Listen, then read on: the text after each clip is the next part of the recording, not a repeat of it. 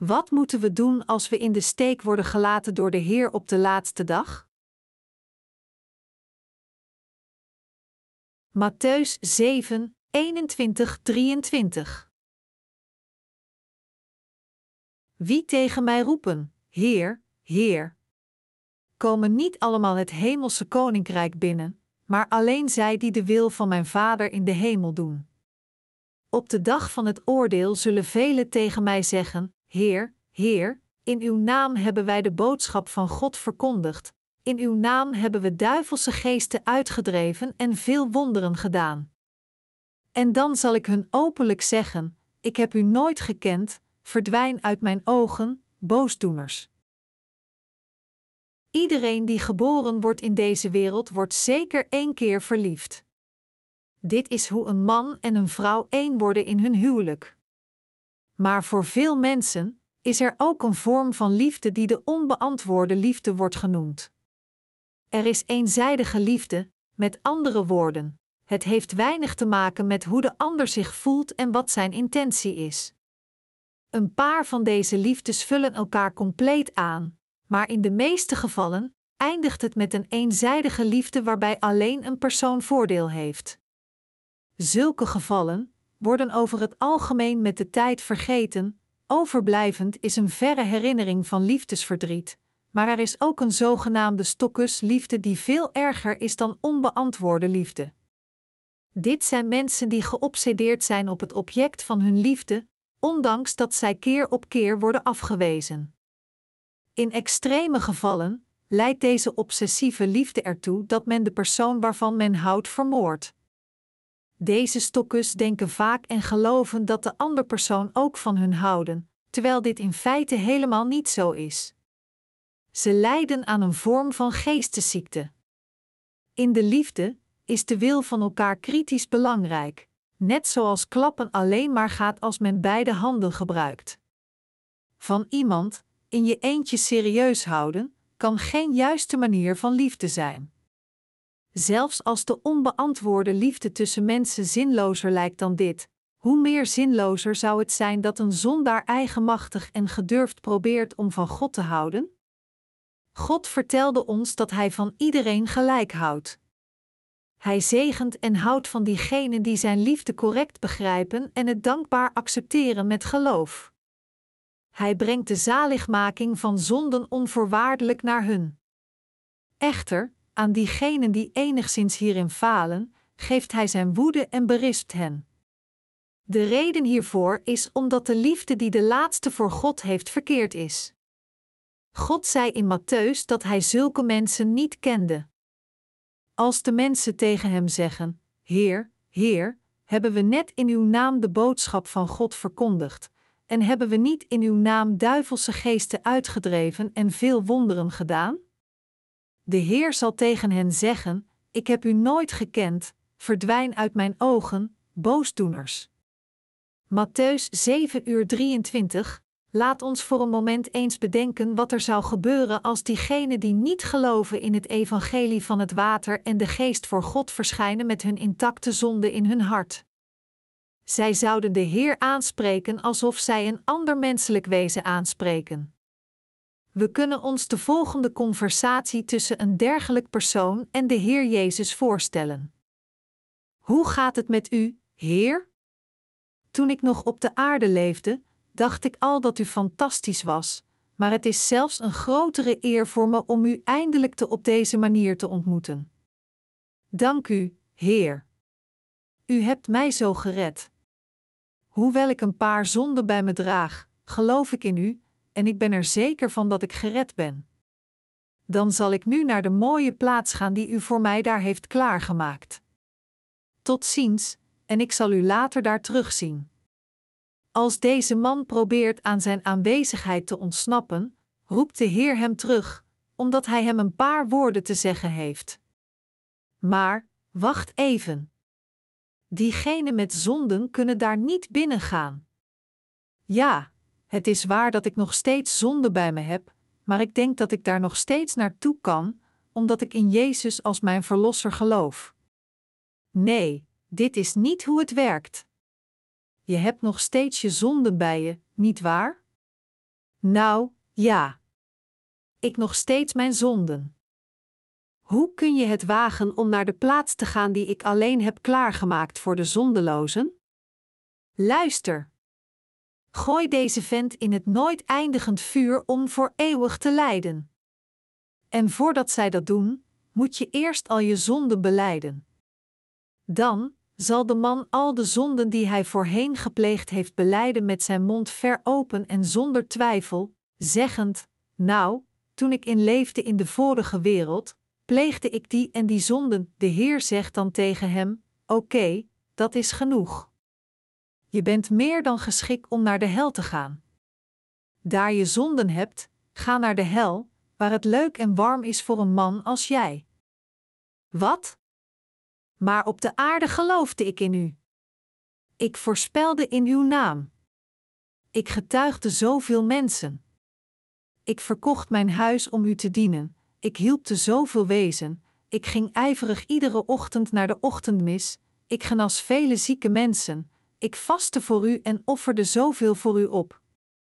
Op dit moment, denkend dat dit alles zeer ver is, is hij woest en zo op zijn tanden aan het knarsen dat het lijkt alsof zijn tanden eruit vallen. We kunnen ons voorstellen dat de tandartsen explosief groeien in de hel. Maar serieus, voor alle zondaars, ongeacht ze geloofden in Jezus of niet, als zij niet in Jezus geloofden binnen het evangelie van de waarheid van het water en de geest, dan worden ze zeker in deze plaats van het eeuwige vuur gegooid.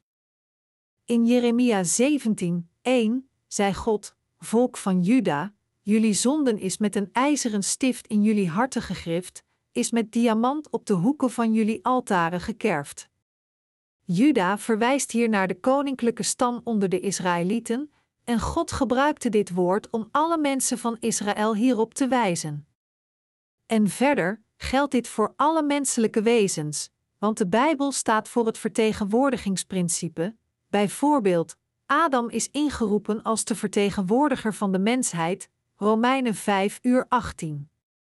Diamanten zijn kristalvormen van koolstofkubussen en ze zijn de hardste natuurlijke stof gekend op deze wereld. Dus als hier gezegd wordt dat de zonden van de mensen geschreven worden op tabletten in hun hart met de punt van zo'n diamant, kunnen zij niet anders worden uitgewist tenzij zij worden gereinigd van al hun zonden door te geloven in het evangelie van het water en de geest.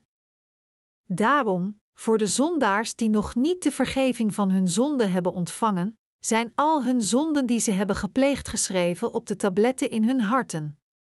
Ongeacht hoe goed zij bedreven zijn in systematische theologie, experts zijn in Calvinistische theologie, doctorale rangen in theologie hebben, theologie leren op seminars als professors of hoge posities bekleden in de kerk. De zonden die geschreven staan op de tabletten in hun harten kunnen niet worden uitgewist door iets anders te geloven dan het evangelie van het water en de geest.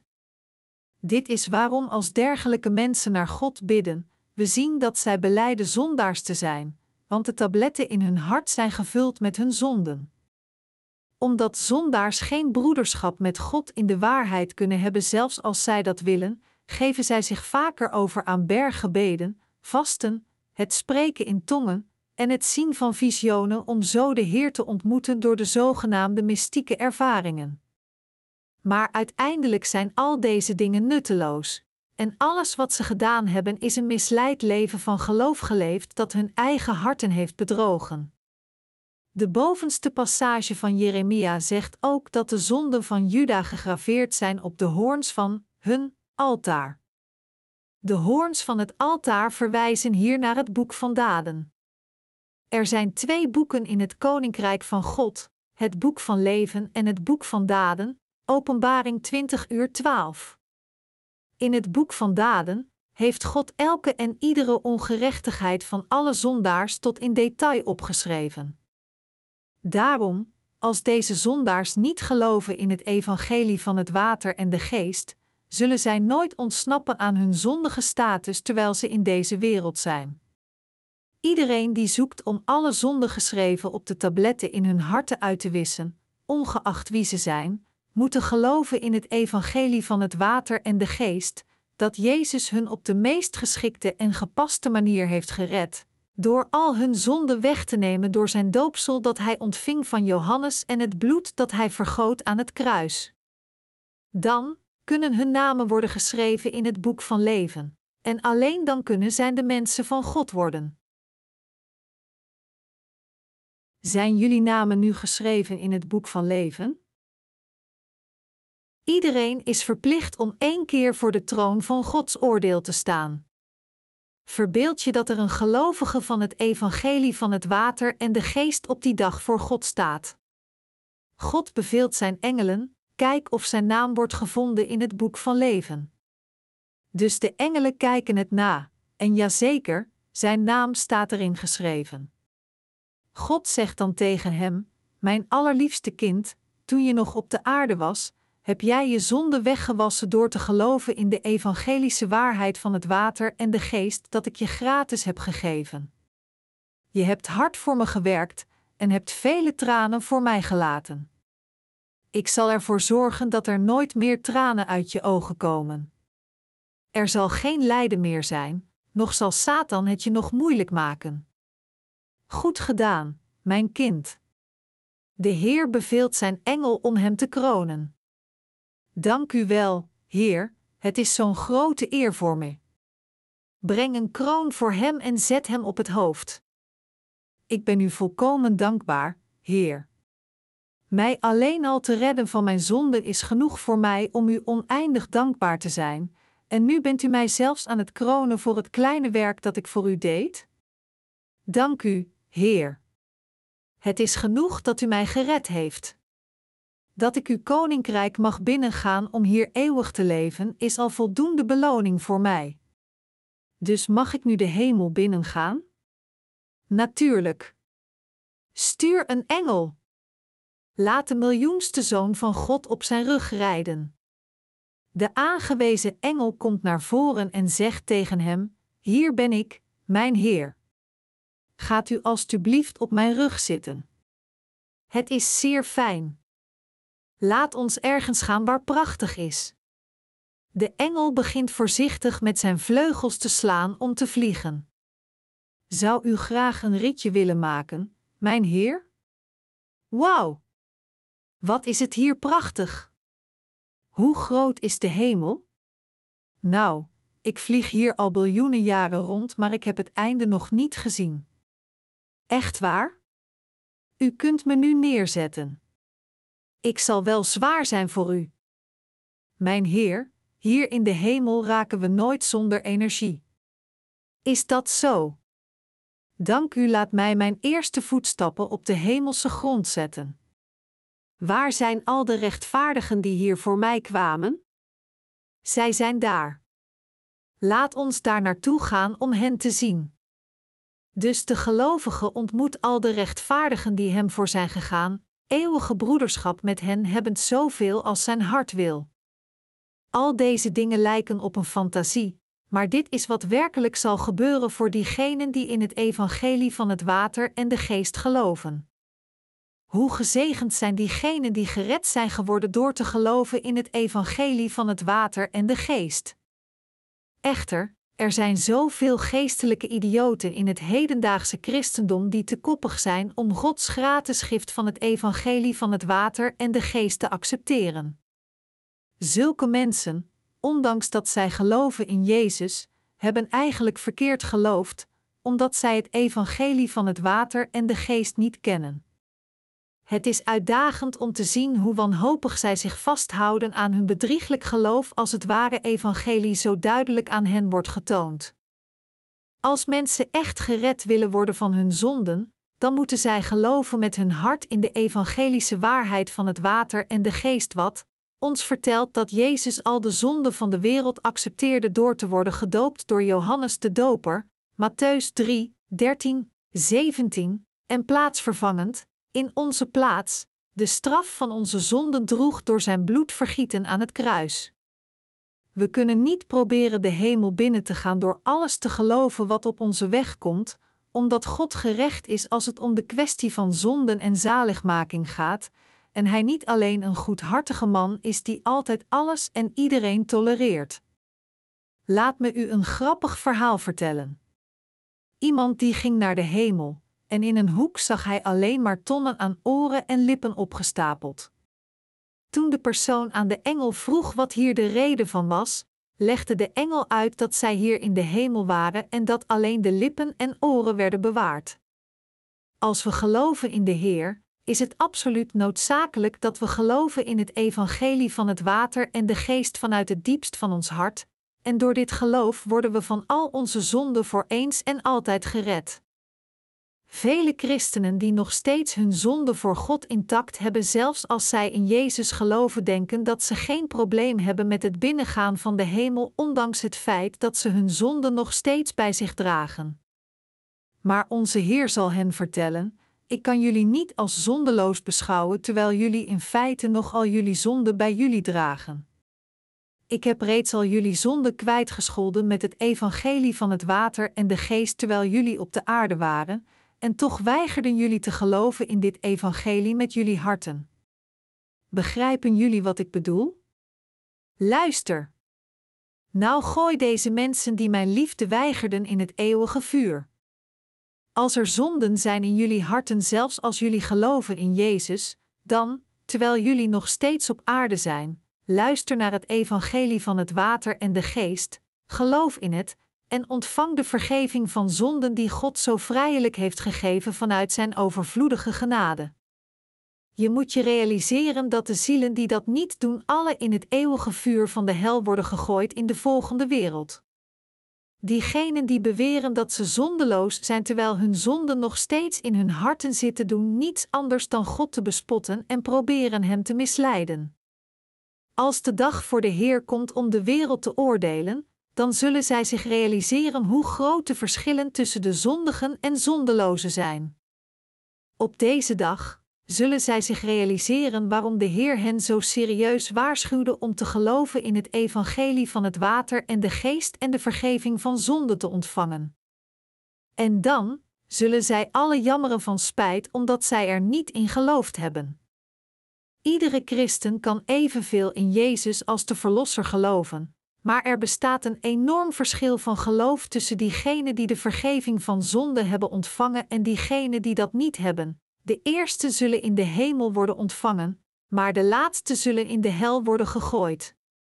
Als jullie nu niet erkennen dat het evangelische woord van het water en de geest de waarheid is voor de vergeving van jullie zonden, dan later op de laatste dag zal het zeker voor jullie te laat zijn. Zijn er zonden in jullie harten zelfs als jullie geloven in Jezus als jullie verlosser? Zo ja, dan zijn jullie eveneens zondaars. Jezus is de verlosser die diegenen beoordeelt die zeggen dat ze zonden hebben. Betekent dit dan dat het oké is als we blindelings beweren dat we geen zonden hebben? Dit is niet het geval.